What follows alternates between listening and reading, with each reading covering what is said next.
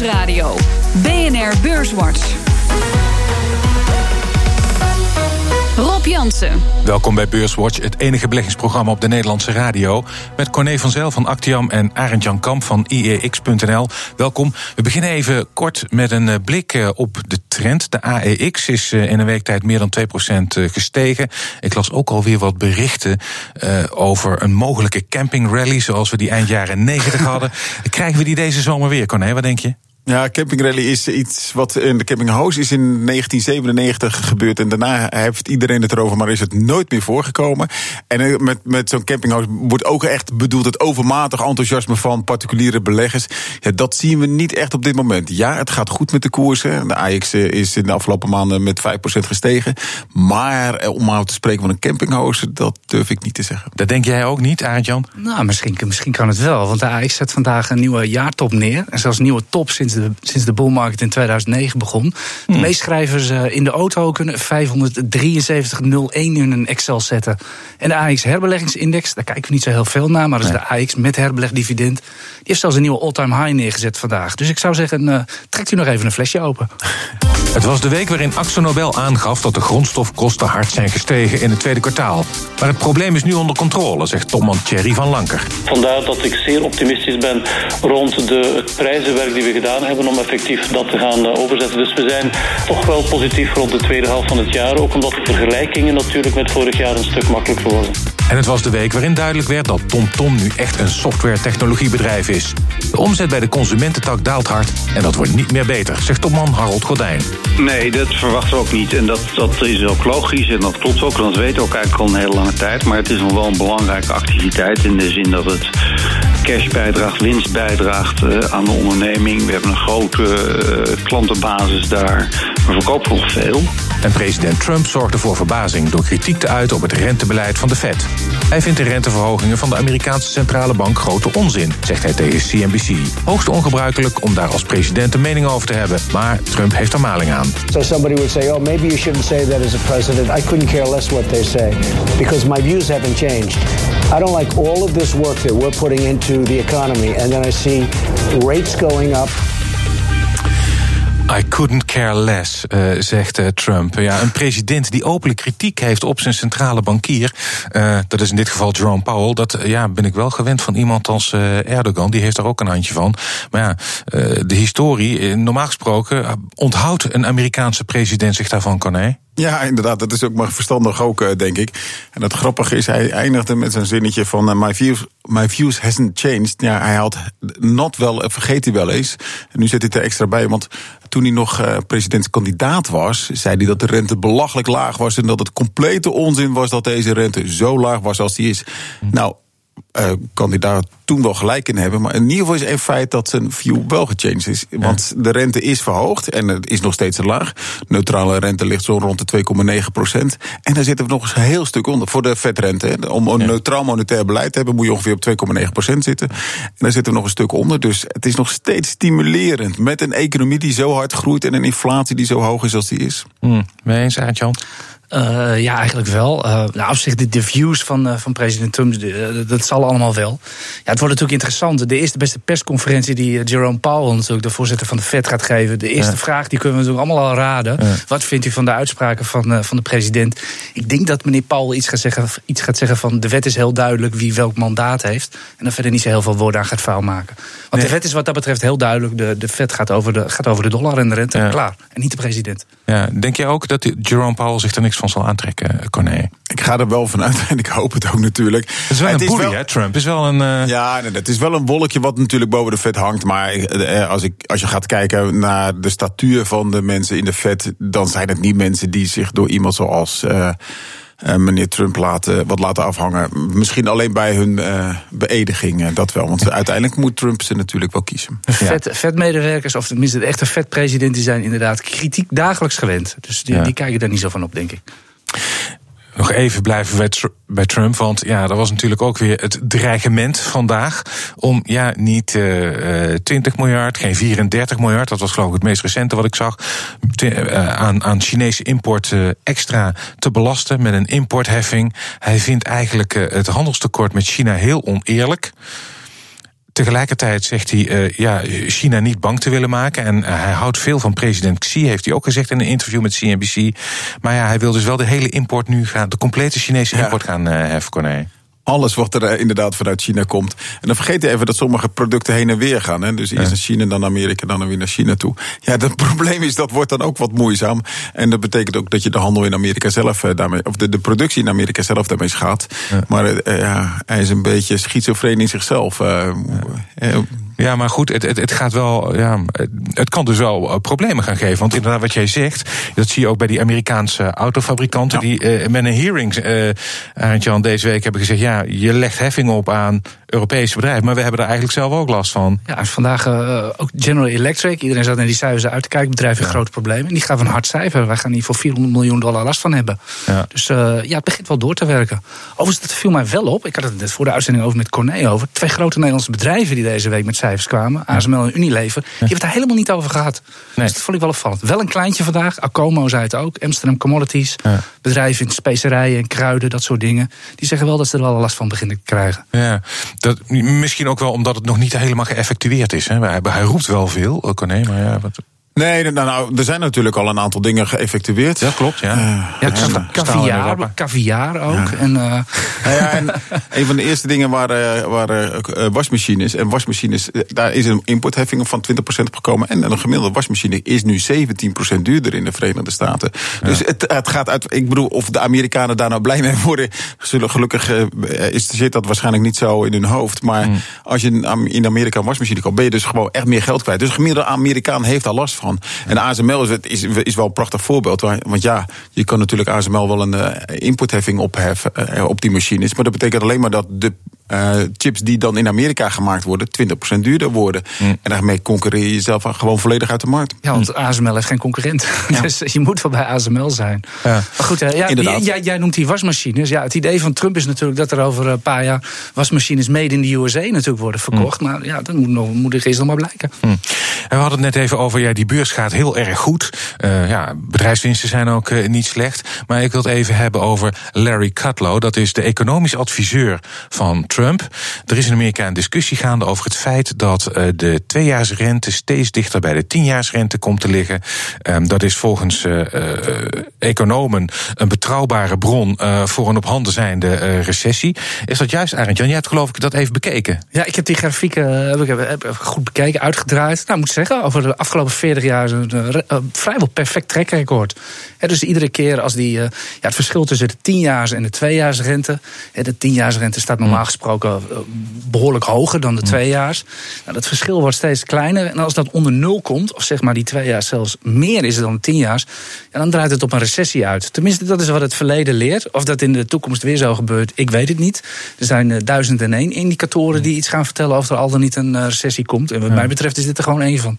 Nou ja, dat is grappig. Uh, Kutlo zegt, ja, dit is, die, die, moet je niet naar kijken. Jij zegt nu het, aan de hand van, oh, van, van, de, van kijken, ja. Hij zegt, ja, je moet naar iets anders kijken, Corné. Niet naar de tienjaars en tweejaars, maar dan moet dan de tienjaarsrente uh, tegen de drie maandsrente afzetten. Ja, nou ja, dat kan je best doen, maar dan zie je in ieder geval dezelfde ontwikkeling. En die staat nog niet op, uh, die, die is nog niet gelijk. Ja. Uh, maar uiteindelijk, die drie maandsrente die gaat vanzelf omhoog. Als de ja. vet die gaat nog twee keer verhogen dit jaar. als ze zich niet inderdaad te veel van Trump laten aanleggen. Maar hm. vooruit nog twee keer verhogen. Dat betekent dat die drie maandse rente automatisch omhoog gaat. Kijk, op zich is het wel mooi om te zien dat dat, dat aangeeft dat eh, aan die, die yield curve heb je twee kanten. De korte kant, die tweejaarsrente die gaat hard omhoog omdat de vetrente verhoogd wordt. Ja. Nou ja, dat zal verder omhoog gaan. En daarmee probeert de vet dus de economie wat af te remmen omdat het too hot to handle is. En dat zie je op dit moment. Mm. Uh, en aan de lange kant, als die lange rente naar beneden gaat, dat betekent dat er minder vraag naar geld is. Dus dat, er, dat ja, de economische activiteiten wat afneemt. Mm. Uh, en, en dus dat verklaart waarom die yieldcurve een mooie indicatie is. Mm. Maar en, en betekent dat, ja, jij ziet, is dat voor jou dus, je houdt ook rekening dan met een recessie gezien uh, als je kijkt naar die yield curve? Of? Ik kijk er net zo naar als AJ van, het, het, is een indicator. Um, ik vind de, de, de inkoopmanagers en de ISM-index vind ik allemaal veel mooier en veel beter om naar te kijken. Bovendien is de voorspelperiode vrij lang, die zit anderhalf à twee jaar. En over twee jaar is iedereen weer vergeten dat hij vandaag uh, invers werd. Dus, uh. ja, laat staan als je je geld erop in gaat zetten. Ja, dan kan, ja. je, kan je nog wel eens lelijk uh, te kijken komen te staan. Um, wat uh, ik wil, um, het, het, nieuws van vandaag op de beurs is Wessane. Weet zich in de kijker te spelen met slecht nieuws. Het bedrijf verliest een kwart van zijn waarde. Maakt bio-organische voeding. En dat loopt niet lekker in Frankrijk en Engeland. Heb jij enig idee, Corné, wat nou het achterliggende probleem is bij Wessane? Nou, je ziet dat hun, hun merken, die hebben het echt heel erg goed gedaan. Dat heeft de nieuwe CEO echt voor het vader aangepakt. Die zit er nu 4,5 jaar. En die, die merken heeft hij echt heel sterk op de kaart gezet. Ja, en die groei is er nu uit. Je ziet een 0% groei, waar een paar jaar geleden nog 8% groei was. Uh, en, en waar dat nou precies aan ligt, de verkeerde pricing, verkeerde stelling of te veel concurrentie, wat dan ook. Maar je ziet in ieder geval dat het gebeurt. En dat is de reden dat ze zo ver onder de verwachting zitten. De, de winst was 12% eh, lager dan de, de consensus was. En dat tikt natuurlijk wel aan. Er stond vandaag min 26,6%. Ja, 26,6. Uh, ja, en toch moet ik de beurzen ja, toch complimenteren dat ze efficiënt zijn. Uh, want strikt genomen is Wessana nog net zo duur als, als gisteren. Toen het ja, dus nog 26% hoger stond. Mm ja, want de winstverwachting voor het komende jaar die is gewoon met ruim 20% verlaagd door Wessana. Ja, dus in die zin hebben beleggers dat netjes ingeprijsd vandaag. Mm Nou, Corné, ging al even in op, op mogelijke reden. Mhm. Ik denk zelf uh, dat Wessana misschien wel een beetje last begint te krijgen van haar eigen succes. Ze heeft inderdaad in de afgelopen 4, 5 jaar al die ja, gezonde producten met mooie marges hebben ze goed in de markt gezet. Ja, inmiddels zijn er ook heel veel andere aanbieders van dat soort producten. Supermarkten zien uh, zien dat, dat soort omzetten ook hard gaan. En die komen nu met eigen merken, dat soort dingen.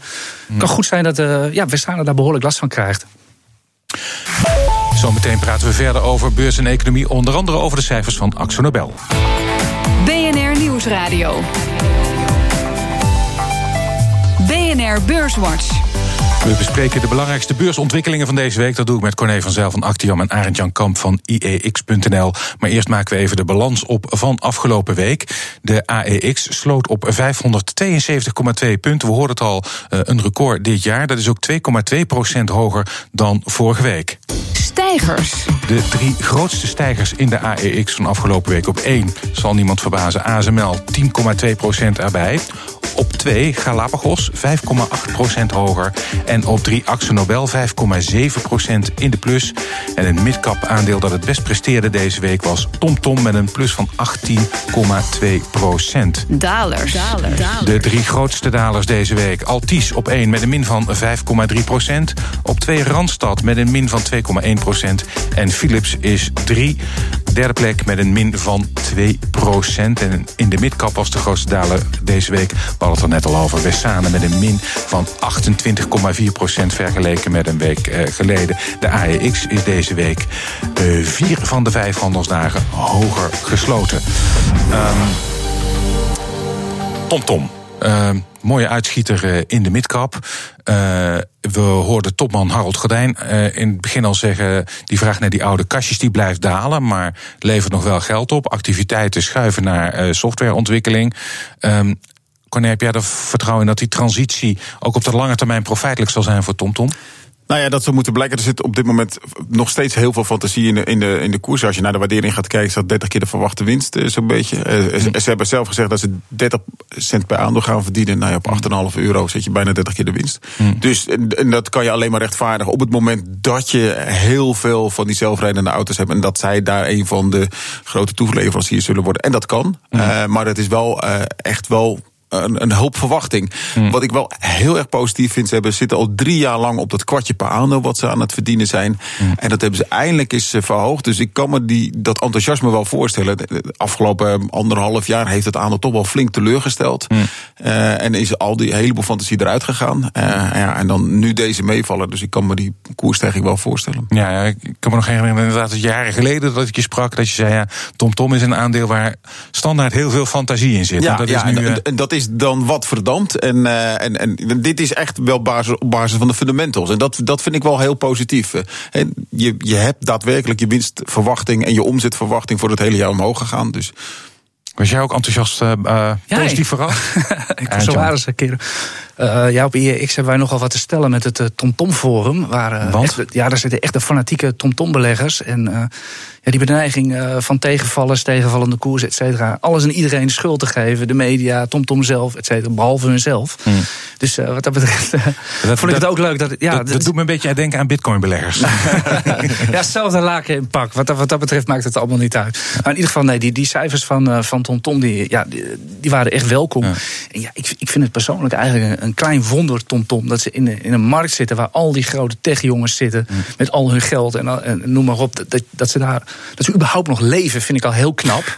Ja, dat meen ik serieus. En, uh, ja, en, en, ze weten steeds die fantasie in het aandeel weten ze gaande te houden. Dat is. Uh, maar jij zei net, uh, Corné, het, uh, ze, ze, hopen en verwachten een belangrijke rol te spelen in die zelfrijdende auto. Nou, lees ik ook al berichten dat echt zelfrijdend, dat duurt nog heel erg lang. Dat kan misschien nog wel een paar decennia duren voordat we echt volledig autonome auto's hebben. Dat is mooi. Hoe verder die verwachting in de toekomst ligt, hoe langer die hoop kan blijven. Dus kan je eeuwig blijven hopen.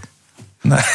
en, het wil, en, het wil, nog wel eens een goede drijver van een koers zijn. Ja, ja, maar je ziet het bij TomTom. Tom. Uh, Corné haalde het al even aan. Het, het, het, fonds heeft permanent een torenhoge waardering. Mm. Ja, dat slaat natuurlijk allemaal op de enorme fantasie die erin zit. Ja. En uh, ja, als je ook bij ons op het forum gaat kijken... er worden bedragen, overname, er worden altijd maar op een overname gehoopt... van 20, 30, 40 euro. Ja, ik zie die zelf niet 1, nooit, 2, 3. overname. Ja, maar ja, de, de eigenaren, eh, het is het management... en die zeggen van ja, we, we vinden het gewoon te leuk. Ik zie het management niet zo snel afscheid nemen van het bedrijf. Ja, nee, dat klopt. Dat zijn in feite nog de oprichters die erin zitten, ja.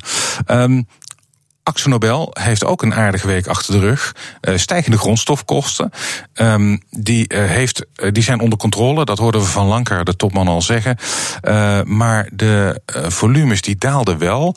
Um, en dan toch goede cijfers. Snap jij dat, Arend-Jan? Uh, ik keek er van de week ook met verbazing naar. Die cijfers kwamen inderdaad uit. Die, ik vond er zelf ook niet om over te juichen. Maar inderdaad, de koers ging, wat was het, 2,5, 3 procent omhoog? Ja, dus uh, volgens ja. mij was als je jouw reactie zien, was jij ook verbaasd, Corné, ja. of niet? Op, ja. op, op weekbasis 5,7 procent erbij voor Axel Nobel. Ja. Nou ja, kijk, iedereen was heel erg bang dat ze die, die uh, prijsstijgingen van de grondstofkosten niet konden doorberekenen. En, mm. en dat lijkt nu langzaam wel te gebeuren. En het bedrijf zegt ook zelf dat dat dus belooft dat, mm. dat het nu steeds meer lukt, dat het in het tweede half jaar er wel goed uitziet. Maar ja, deze cijfers, het was wel 17% daling ten opzichte van een jaar geleden en, en 2% onder de consensus. En wat ik ook heel teleurstellend vond, is dat ze het werkkapitaal uit de hand hebben laten lopen. Eh, ze hebben niet genoeg debiteuren geïnd. Mm. En dat vind ik toch wel eh, gewoon ja, heel erg jammer. Ze zeiden, ja, we waren te veel gefocust op die grondstofstijgingen door prijzen. Maar volgens mij druk, je drukt toch op een knop en dan weet je hoeveel debiteuren hebt. Ja, nou, dat dacht ik nou ook. En ik kom op zich gefocust. De ene zijn verkopers en de andere zijn degene die het geld moet binnenhalen. Dat, zijn, dat is de boekhouding. Ja die, die een mailtje moet sturen van betal eens eventjes. Dus ik vond het een hele zwakke argumentatie. Misschien moet de controller daar uh, met pensioen. ja, um, ja en, en, nog iets over, over, over de cijfers. En dat viel mij vandaag eigenlijk ook wel op bij niet alleen Westana, waar we het over hadden, maar ook Acomo en ook uh, Axel. Is dat, ja, we hebben het allemaal over hoogconjunctuur en uh, Axel Nobel. Ja, dan valt toch die omzet weer wat tegen, et cetera. We hebben hoogconjunctuur, de bouw, alles. Er is volgens mij heel veel verf nodig. Ja, nou, dat ja vind, ik, het dat zou misschien wel een boeren, domme boerenvraag nou ja, zijn. Dat, maar, ik kan me daar in zoverre wel uh, ik vind vinden, dat, ik, vind dat, ik vind dat eerlijk gezegd vind ik dat interessanter dan zo'n yieldcurve. Ja, nou, uh, de concurrent van uh, Axo Nobel, die uh, dat is PPG, ja. het is een van de belangrijkste uh, concurrenten, heeft het ook over willen nemen. Die hebben wel volumegroei laten zien ja. in dit kwartaal. die bewegen zich wel een beetje andere markten. PPG is veel meer gericht op de Verenigde Staten, mm. waarbij uh, Axo meer op Europa is. En, en ze zitten Axel zit wel in een paar hele specifieke sectoren, zoals bijvoorbeeld scheepsbouw en, en de olie- en offshore-industrie. Uh, daar wordt niet zoveel meer verf gebruikt op dit moment dan een jaar geleden. Dus uh, het zijn wat dat betreft ook wel wat specifieke factoren. Hmm. ASML, uh, toeleverancier voor de chipindustrie. Um, klinken de cijfers. Apparaten vinden gretig aftrek. Marges worden beter. Ja, we zagen het al. In een week tijd 10% erbij. Volledig terecht, denk ik, Corné. Ja, uh, Arend Jan had net al dat die de beurs complimenten gaf. omdat de koersdaling bij Westsana gelijk was aan de winstdaling. En hetzelfde zie je bij eh, ASML. Was de eh, winst was 11% hoger dan verwacht. En uiteindelijk hebben we 10% koersstijging. Dus dat, ook daar past het precies. Nou gaat ASML niet zo vaak met de winststijging omhoog. en is het vaak op basis van de orderboekings. Mm die waren opvallend genoeg juist teleurstellend in het afgelopen mm. kwartaal. Dus dat vond ik wel opvallend. En maar het sentiment uh, voor deze cijfers was wel een beetje somber. Mm. Omdat je echt een heleboel concurrenten hebt zien waar, uh, waarschuwen dat het toch wel tegen gaat vallen in de rest van het jaar in de chipindustrie. En als hun klanten, uh, de ASML kan wel een briljant bedrijf zijn, maar als de klanten het moeilijk hebben, gaan ze minder bestellen. En heeft ASML daar uiteindelijk ook last van. Kijk, die machines dat duren een paar jaar voordat die geleverd zijn. Dus die gaan, als de klanten het nu slecht hebben, dat betekent dat ASML de komende paar jaar gewoon nog door kan blijven draaien. Dus Hmm. daar hoef je niet zo op korte termijn bang voor te zijn. Maar dat is wel een factor eh, die, waar je rekening mee moet houden. Hmm. Ben je ook voorzichtig voor ASML? Misschien voor de wat langere termijn? Ik moet, ik, moet- ik moet toegeven dat ik de, het aandeel op 40, 50 euro had ik al zoiets van... jeetje, het begint wel heel erg duur te worden. Wat staan we nu op? 180, 190, zoiets. Ja. Ja. Bij de all-time high. Ja. En ja, ik zei het ook al even bij Wessane... dat het nog net zo duur is voor de koersafstraffing. Ja. Corné geeft het nu ook al aan bij die winststijging van ASML. Op een, een of andere manier beleggers prijzen altijd... die toekomstige winsten prijzen ze altijd perfect in bij ASML. Ook daardoor is dat altijd een duur aandeel. Maar ze maken het sinds de grote crisis in 2009... maken ze het jaar op jaar waar. Ja. Ja, eens gaat dat natuurlijk een keer fout. Maar ja, ga dat maar timen. Ja, hoe moet ik het zien, eh, Corné, in de relatie met die anderen? Je noemde hè, bijvoorbeeld Bezi en ASMI. Die hebben allemaal wat minder... eh, Ja, daar zie je echt dramatisch. Hè. Bezi is het allerslechtste aandeel in de stocks 600 geweest. Dus van alle 600 eh, grootste Europese bedrijven was Bezi de slechtste. Vorig jaar de beste, denk ik. Maar... Eh, Ja, inderdaad. Maar dan, dan zie je wel dat er echt wel een turnaround eh, eh, bezig is. En ik denk dat dat wel voorlopers zijn voor, nou ja, voor, voor de economie eh, al in, in wereldbreed. Bezi heeft dan ook specifiek nog eh, eh, erg gevoelig voor de auto-industrie. En die is weer gevoelig voor de handelsoorlog. Dus vandaar dat Bezi de grootste klappen kreeg.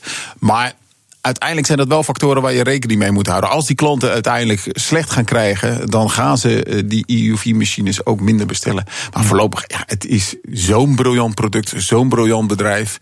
Maar oh, wat aan je Ze, hadden, ze hebben er toch maar één, eh, één bestelling voor binnengekregen de afgelopen kwartaal. ja, ja, die eh, boekings ja. waren echt, echt wel zwak, inderdaad. Dus ja, het viel echt, ja, was, was dat Peter Wenning zo'n prachtige outlook kon afgeven. Dat, dat, dat, dat was de truc. Ja. Nou, ik moet zeggen, eh, de portefeuille Janssen Belegde die ik eh, eh, beheer, die is voor de cijfers erin gestapt. En ik moet zeggen, dat is goed uitgepakt. De vlag ging uit. De, de vlag ging inderdaad. En hoe, sta, hoe staat je Wessane erbij? Of had je die niet? Nee, daar, daar zat ik niet. Nee, nee, nee.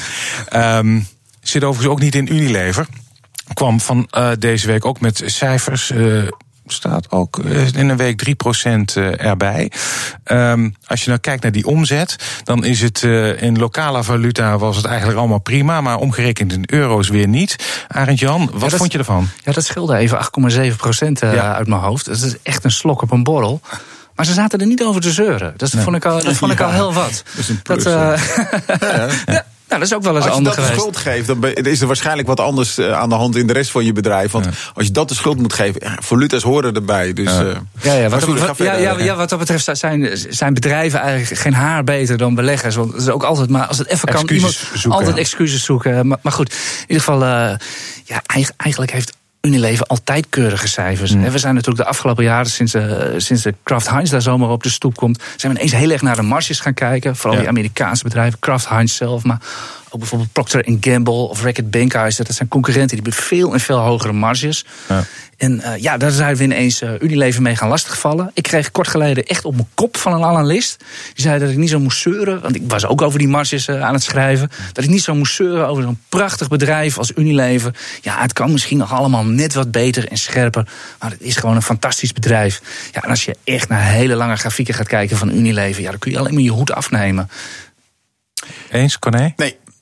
En hij is veel te laks geweest in de eerste periode. En pas toen ze een, eh, een eh, wake-up call kregen. eh, ja, dat je, kon was- ze, je kon ze echt wakker horen schrikken. Ja, inderdaad. En dat was ook wel nodig ook. En dan zie je, hè, want ze hebben, laat wel even wezen, een paar weken geleden nog een omzetwaarschuwing vanwege de staking in Brazilië eh eruit gegaan. Dus de verwachtingen waren al wat lager. Dus dan is het ook Maar dat is, ook, dat is een incident als lange termijn Ja, belegger. in Unilever was- heb je daar toch dat niks mee te maken, Corné? Dat betekent wel dat je verwachting alvast wat lager is. En dan kan het meevallen.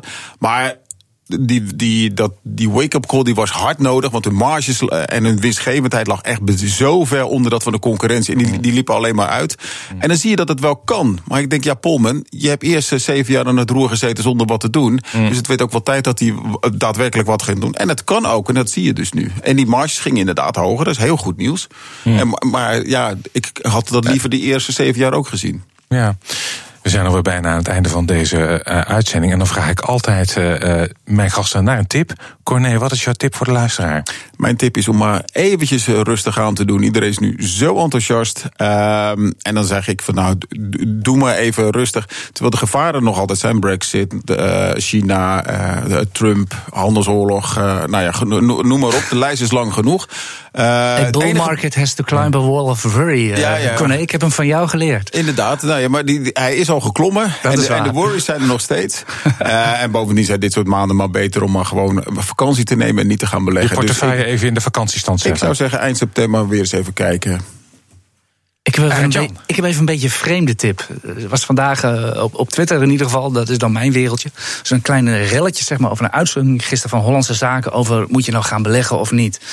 En ja, eh, tot mijn stomme verbazing, ik heb er even naar gekeken, ging het weer. En dat zie je eigenlijk altijd bij programma's op televisie over beleggen. Het gaat niet over beleggen, maar het gaat over handelen. Het gaat om instappen, het gaat om koerswinst maken, uh, bij voorkeur snel rijk worden. Het was ook niet toevallig dat ze met bitcoin begonnen.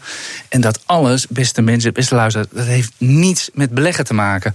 Als je echt gaat beleggen, dat is eigenlijk iets wat je je hele leven zou moeten doen. Ik ben zelf op mijn 37ste begonnen, dat is eigenlijk veel te laat. En dus dat je er gewoon iedere maand of ieder kwartaal trouw je geld in de beurs steekt. In de brede markt of in een selectie aandelen, indices, trekkers, whatever. En daar vervolgens niet meer naar omkijkt. Je laat dat geld gewoon het werk doen. Jij gaat andere dingen doen, je eigen baan. Je gaat je niet met die rare beurs bezighouden. Dat is beleggen. Ga, dat, ga, dat, ga dat vooral doen. Hartelijk dank. Uh, Corné van Zijl van Actium en Arend Jan Kamp van IEX.nl. Dit was uh, weer een Beurswatch. Terugluisteren kan via de site, de app, iTunes of Spotify. En graag tot volgende week.